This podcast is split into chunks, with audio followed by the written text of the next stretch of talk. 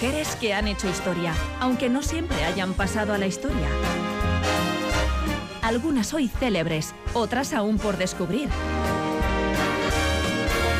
Algunas heroínas, otras villanas, todas singulares. Es tiempo de hacer visible lo invisible. Es tiempo de vivir para contarlas. Cada 24 de enero se celebra en España el Día del Periodista, una excusa tan perfecta como cualquier otra para repasar la vida de la que está considerada primera periodista de oficio española, Carmen de Burgos, que fue además pedagoga, escritora, traductora, conferenciante y activista por los derechos de las mujeres.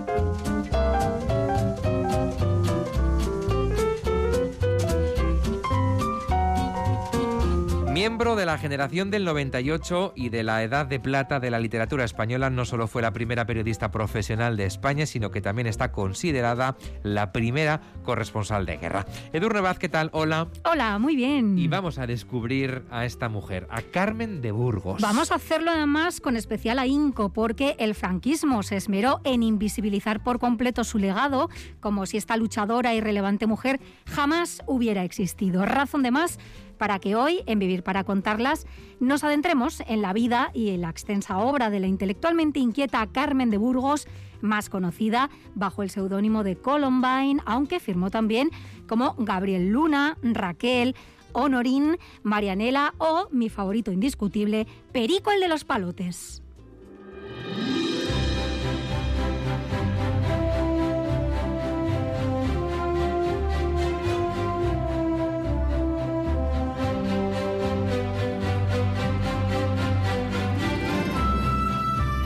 Pues vamos a conocer y a trazar la vida de Carmen, de María del Carmen Ramona Loreta de Burgos, Seguí. Nació en Almería el 10 de diciembre de 1867. Fue la mayor de los 10 hijos que tuvieron sus padres, José de Burgos Cañizares y Nicasia Seguí Nieto. ¿Cuál fue y cómo fue la infancia de María del Carmen Ramona Loreto?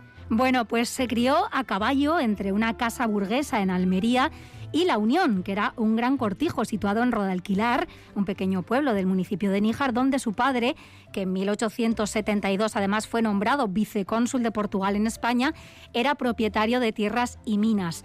De forma poco convencional en la época, Carmen recibió la misma educación que sus hermanos varones. De ahí el tremendo disgusto de su padre cuando en 1883 y con tan solo 16 años decidió casarse con Arturo Álvarez y Bustos, un bohemio poeta y periodista, 12 años mayor que ella, y que nos engañe el término bohemio, porque el bueno de Arturo era hijo y heredero de Mariano Álvarez y Robles, gobernador civil de Almería, que además era propietario de la empresa tipográfica encargada de imprimir el principal periódico de la capital. Esto sirvió a Carmen para familiarizarse desde muy temprano con el mundo de la prensa y con los distintos aspectos de la impresión. De hecho, publicó sus primeros artículos en Almería Bufa, la revista satírica que dirigía su marido. Pero esa fue a la vista de los acontecimientos, de las pocas cosas positivas que le trajo aquel matrimonio.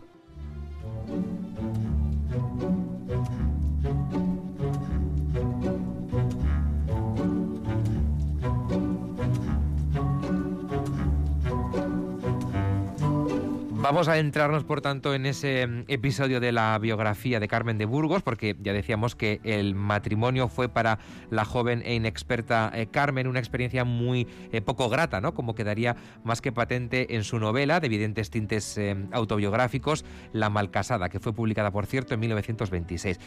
¿Por qué decimos que tuvo una mala experiencia en el matrimonio? Bueno, la primera mala experiencia llegó ya en la noche de bodas, que en esta citada novela es descrita con estas estremecedoras palabras. Podemos leer no encontró en la brusquedad del deseo de Antonio la dulce ternura y la suave caricia que había esperado. No podía olvidar la sensación de miedo que sintió, el deseo de huir y cómo tuvo que replegarse y que esconderse en sí misma ante la ruda acometividad de su marido que no se preocupó para nada de su pudor alarmado ni de su espíritu. Es decir, que ya eh, son Traumático unas, primer traumáticas momento, y, y, y, unas frases llenas de, de verdad. Bueno, más allá de esa em, primera y traumática experiencia que, mencionábamos, ¿no? El libro refleja en realidad un problema pues tristemente común en muchos matrimonios, ¿no? Incluso hoy en día, eh, que es el, sexo no consentido o como poco no deseado. ¿Cómo se explica eso en, en el libro? Bueno, sobre la protagonista, en La Malcasada podemos leer no pudiendo ser dichosa, se conformaba con verse libre de las caricias de su marido. Era aquello lo que buscaba con el divorcio. Le bastaba con poseer el dominio de su cuerpo, con no tener que envilecerse en una unión sin amor, con no verse obligada a cumplir aquella obligación que las damas devotas llamaban el débito conyugal. Aquí yo creo que nos está contando ya muchísimas cosas, ¿no? Y además de serle repetidamente infiel, el marido de Carmen de Burgos para colmo la maltrataba y también para colmo de males. Sus tres primeros hijos fallecieron siendo aún bebés. Muchas mujeres eran víctimas de situaciones similares a la suya y muy pocas tenían la opción de escapar de ellas, ya que su dependencia económica, la falta de apoyos o el estigma social incluso lo dificultaban enormemente, pero ese no fue, por suerte, el caso de Carmen, que sí tenía apoyo familiar también. Durante aquellos duros años logró mantener además vivas sus ansias de libertad, su hambre de conocimiento y la determinación para perseguir sus sueños. Bueno, dejando mm, atrás numerosas noches de estudio clandestino a espaldas de su marido, en junio de 1895 obtuvo la titulación de maestra de enseñanza elemental primaria y en 1898, es decir, tres años después, la de enseñanza superior en Madrid. Ella era una mujer determinante y tenía claro ¿no? Que, que, quería formarse. Eso es, quería ser libre también e independiente y en 1901 obtuvo plaza mediante oposición en la Escuela Normal de Maestras de Guadalajara.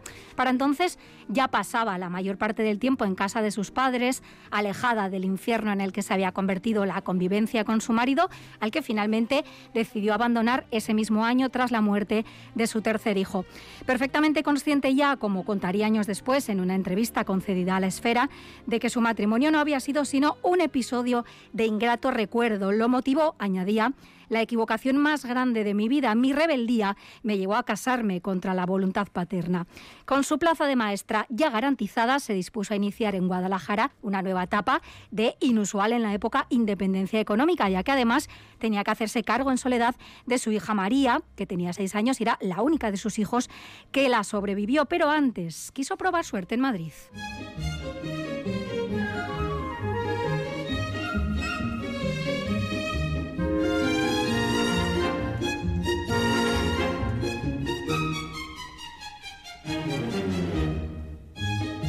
Pues hay que situarse en ese Madrid al que llega Carmen de Burgos con 33 años, con una niña pequeña a su cargo y con esa plaza de maestra en un colegio de Guadalajara. Bueno, pues también eh, llega a Madrid con la certeza de que en realidad lo que ella quería era instalarse en la capital de España y formar parte ¿no? de esos círculos intelectuales, literarios y periodísticos. ¿no? Más allá de trabajar, ¿no? también esa otra parcela. Por supuesto, y esto resultaba en el mejor de los casos extraño y en el peor de los casos inadmisible para una gran cantidad de hombres de la época. Visitó varias editoriales con un libro que había publicado en Almería en 1900 y llevaba por título Ensayos literarios. Reunía una serie de artículos en los que ya resultaba palpable su reformista ideario en lo referente sobre todo a la realidad de la mujer en la sociedad española. Se alojó en casa de su tío, el senador Agustín de Burgos, al que por cierto había dedicado ese libro. Pero esto fue antes de que el generoso tío Agustín Entre comillas. empezara a mostrarse interesado en algo más que ayudar desinteresadamente a su sobrina. De modo que Carmen salió pitando de aquella casa, huyendo de nuevo de las atenciones masculinas no deseadas. Le esperaba el arranque del curso en su nueva condición de maestra con plaza, pero catadas las mieles del periodismo, vio la necesidad de encontrar la manera de compaginar la enseñanza con sus otros anhelos profesionales. ¿Lo hizo? Y lo hizo, lo hizo. Consiguió una autorización para ampliar estudios en el Colegio Nacional de Sordomudos y Ciegos de Madrid, lo que le dio la oportunidad de permanecer en la ciudad hasta 1905. En 1902 ya había empezado a colaborar con el periódico El Globo, en el que escribía una columna titulada Notas Femeninas. Y en 1903 Augusto Suárez de Figueroa fundó el Diario Universal y la contrató para llevar una columna diaria titulada Lecturas para la Mujer bajo el seudónimo ya de Columbine que él mismo eligió. Era la primera vez en España que una mujer era reconocida como periodista profesional, es decir, que trabajaba en una redacción y no solo como colaboradora. Figueroa esperaba que ella escribiera en un tono ligero sobre asuntos del presunto interés de las mujeres que cogieran prestado el periódico a sus padres o maridos, pero Carmen no estaba dispuesta a desperdiciar el altavoz del que disponía. En su columna trataba de moda, recetas o trucos de belleza, sí, pero no perdió ocasión tampoco de ir introduciendo ideas que ya se estaban debatiendo en otros países europeos.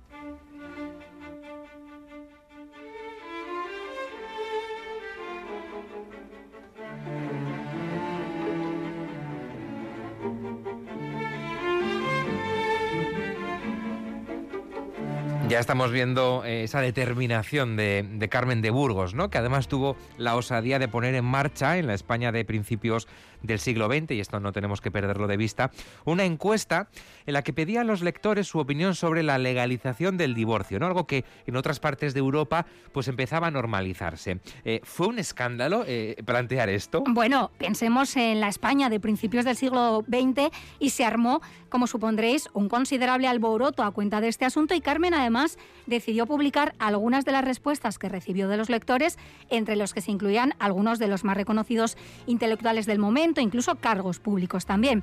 El resultado de su consulta arrojó cifras más que reveladoras.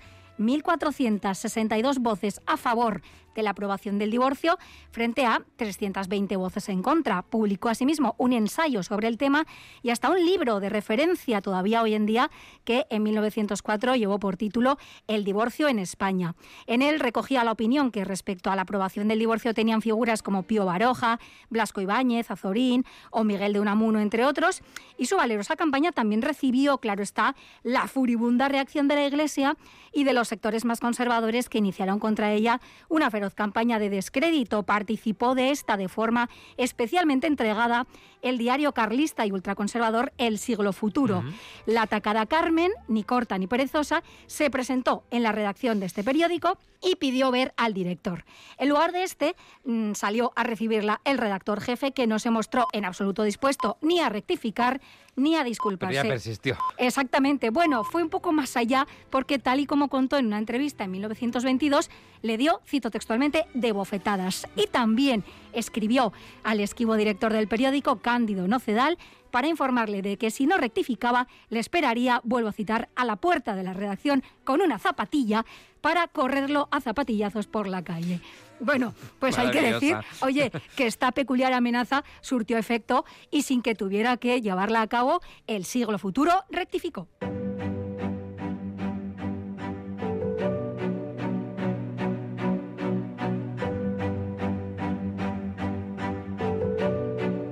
En Vivir para contarlas estamos trazando la vida de Carmen de Burgos, ¿eh? considerada la primera eh, periodista de oficio española. Vamos a situarnos ahora en 1905, porque en ese momento es cuando consigue una beca de ampliación de estudios del Ministerio de Instrucción Pública para estudiar los sistemas de enseñanza de otros países, ¿no?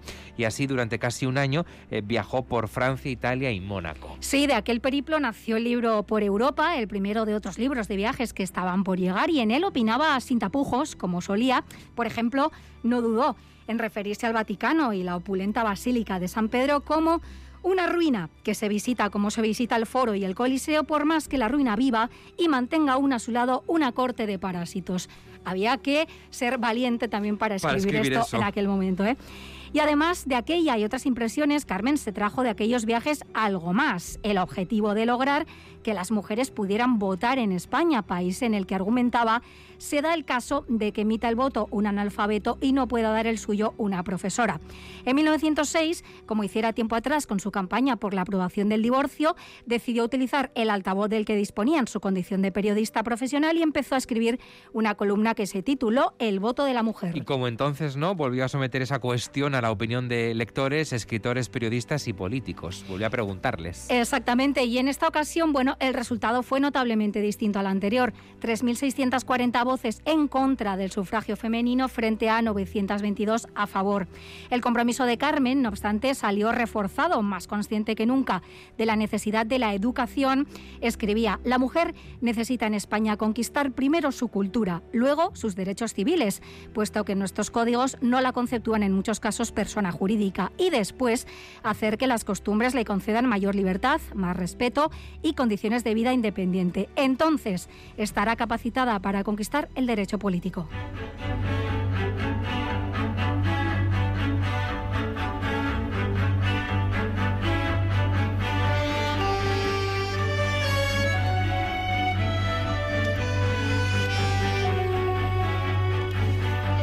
A su regreso de Francia, e inspirada por los sofisticados salones literarios que allí conoció, Carmen de Burgos organizó en su propio domicilio una reunión semanal bautizada como la tertulia modernista a la que acudían bueno, pues escritores, periodistas, músicos y artistas. ¿Cómo eran esas eh, reuniones, esos conclaves?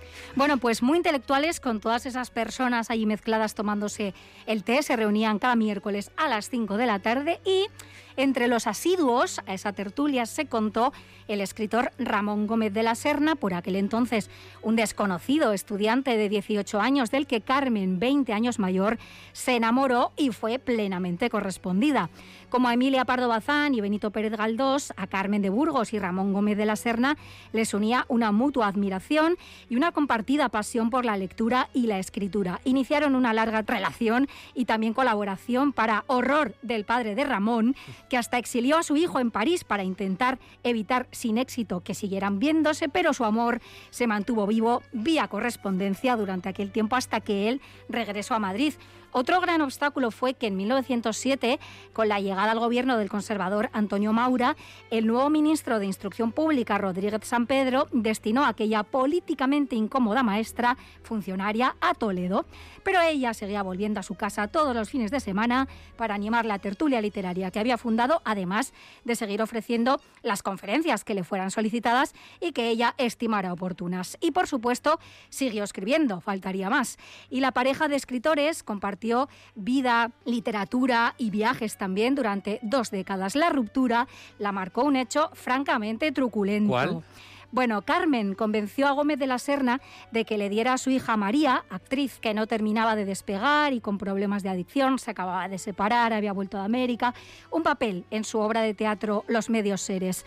Durante los ensayos, el autor y la actriz tuvieron una aventura que rompió el corazón a Carmen de Burgos. Gómez de la Serna, avergonzado, huyó a París y desde allí a Buenos Aires, donde acabaría conociendo a su futura esposa. Y ella, con su habitual coraje, se enfrentó a la pérdida con lo que mejor le hacía sentir, su trabajo.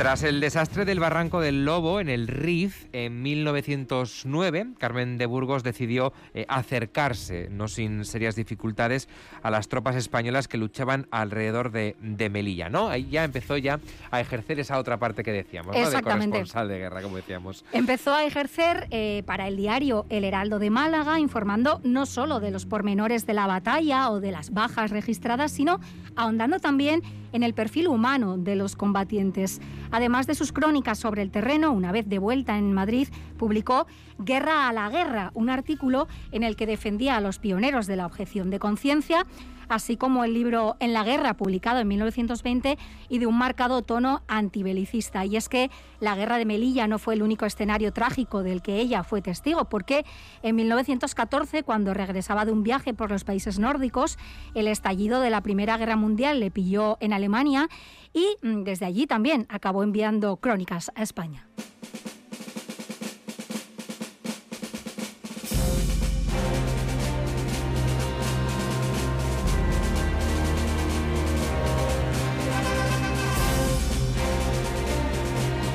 Estamos descubriendo esa valentía ¿eh? de Carmen de Burgos, que además eh, fue nombrada presidenta de la Cruzada de Mujeres Españolas, que ella misma había fundado en 1920, a imagen y semejanza de la criada en Portugal por su gran amiga, ¿no? la dirigente feminista Ana de Castro y también de la Liga Internacional de Mujeres Ibéricas e Hispanoamericanas.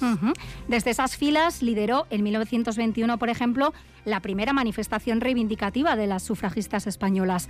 Se afilió al Partido Republicano Radical Socialista, desde donde denunció, por ejemplo, las malas condiciones laborales de los obreros o las pésimas condiciones de las cárceles españolas. Fue también elegida vicepresidenta primera de la izquierda republicana anticlerical y en noviembre de 1931 ingresó en la masonería, donde fundó la logia Amor, de la que era gran maestre.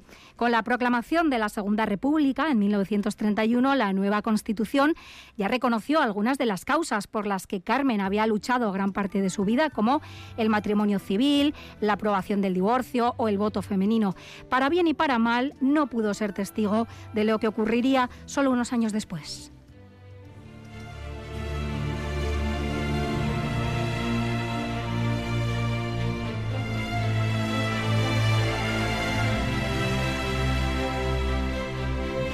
Pues sí, todos esos logros que se consiguieron y que se consolidaron en esa constitución del, 31 eh, y que, bueno, pues se pudieron disfrutar en los años siguientes hasta la dictadura franquista, pues no los pudo ver porque el 8 de octubre de 1932, mientras participaba en una mesa redonda sobre educación sexual en el Círculo Radical Socialista de Madrid, empezó a sentirse mal. Allí fue atendida por dos médicos presentes, a los que se sumó un tercero el mismísimo Gregorio Marañón, que era gran amigo de Carmen y que fue avisado de inmediato. Fue trasladada a su domicilio, pero nada se pudo hacer ya por ella. Falleció en la madrugada del 9 de octubre de 1932 a los 64 años. Su delicado corazón, que ya le había dado algún que otro aviso, se paró para siempre y fue enterrada en el Cementerio Civil de Madrid en presencia de los principales políticos e intelectuales de la época. Y Clara Campoamor lideró una petición para que una de las calles de Madrid llevara su nombre. Pero su amiga y colaboradora Ana de Castro Osorio escribió un profético obituario en el que ya afirmaba ¿Quién sabe si su gran y heroico sacrificio quedará aún largos años desconocido e inútil para la sociedad y principalmente entre las mujeres, al progreso de las cuales se sacrificó? Y tenía razón, tristemente, Ana de Castro Osorio, porque tras la guerra civil y la instauración del régimen franquista, su nombre fue incluido en la lista de autores prohibidos y su obra literaria desapareció de las bibliotecas y las librerías. La excusa fueron sus vínculos con la masonería, todo un clásico ¿no? en el régimen franquista, aunque todos sabemos, creo muy bien, cuáles fueron los verdaderos motivos de la invisibilización de esta mujer indómita, valiente y luchadora, que nos legó un sinfín de artículos periodísticos, ensayos, libros de viajes, biografías, traducciones, medio centenar de relatos y una veintena de novelas, como Puñal de Claveles, basada en el conocido como Crimen de Níjar, que también inspiró a Lorca para sus bodas de sangre. El Paseo Marítimo de Almería lleva hoy el nombre de Carmen de Burgos, que siempre supo que sus fuerzas, cito textualmente, no removerán la montaña, pero acaso le arranquen un grano de arena y enseñen a otros el camino.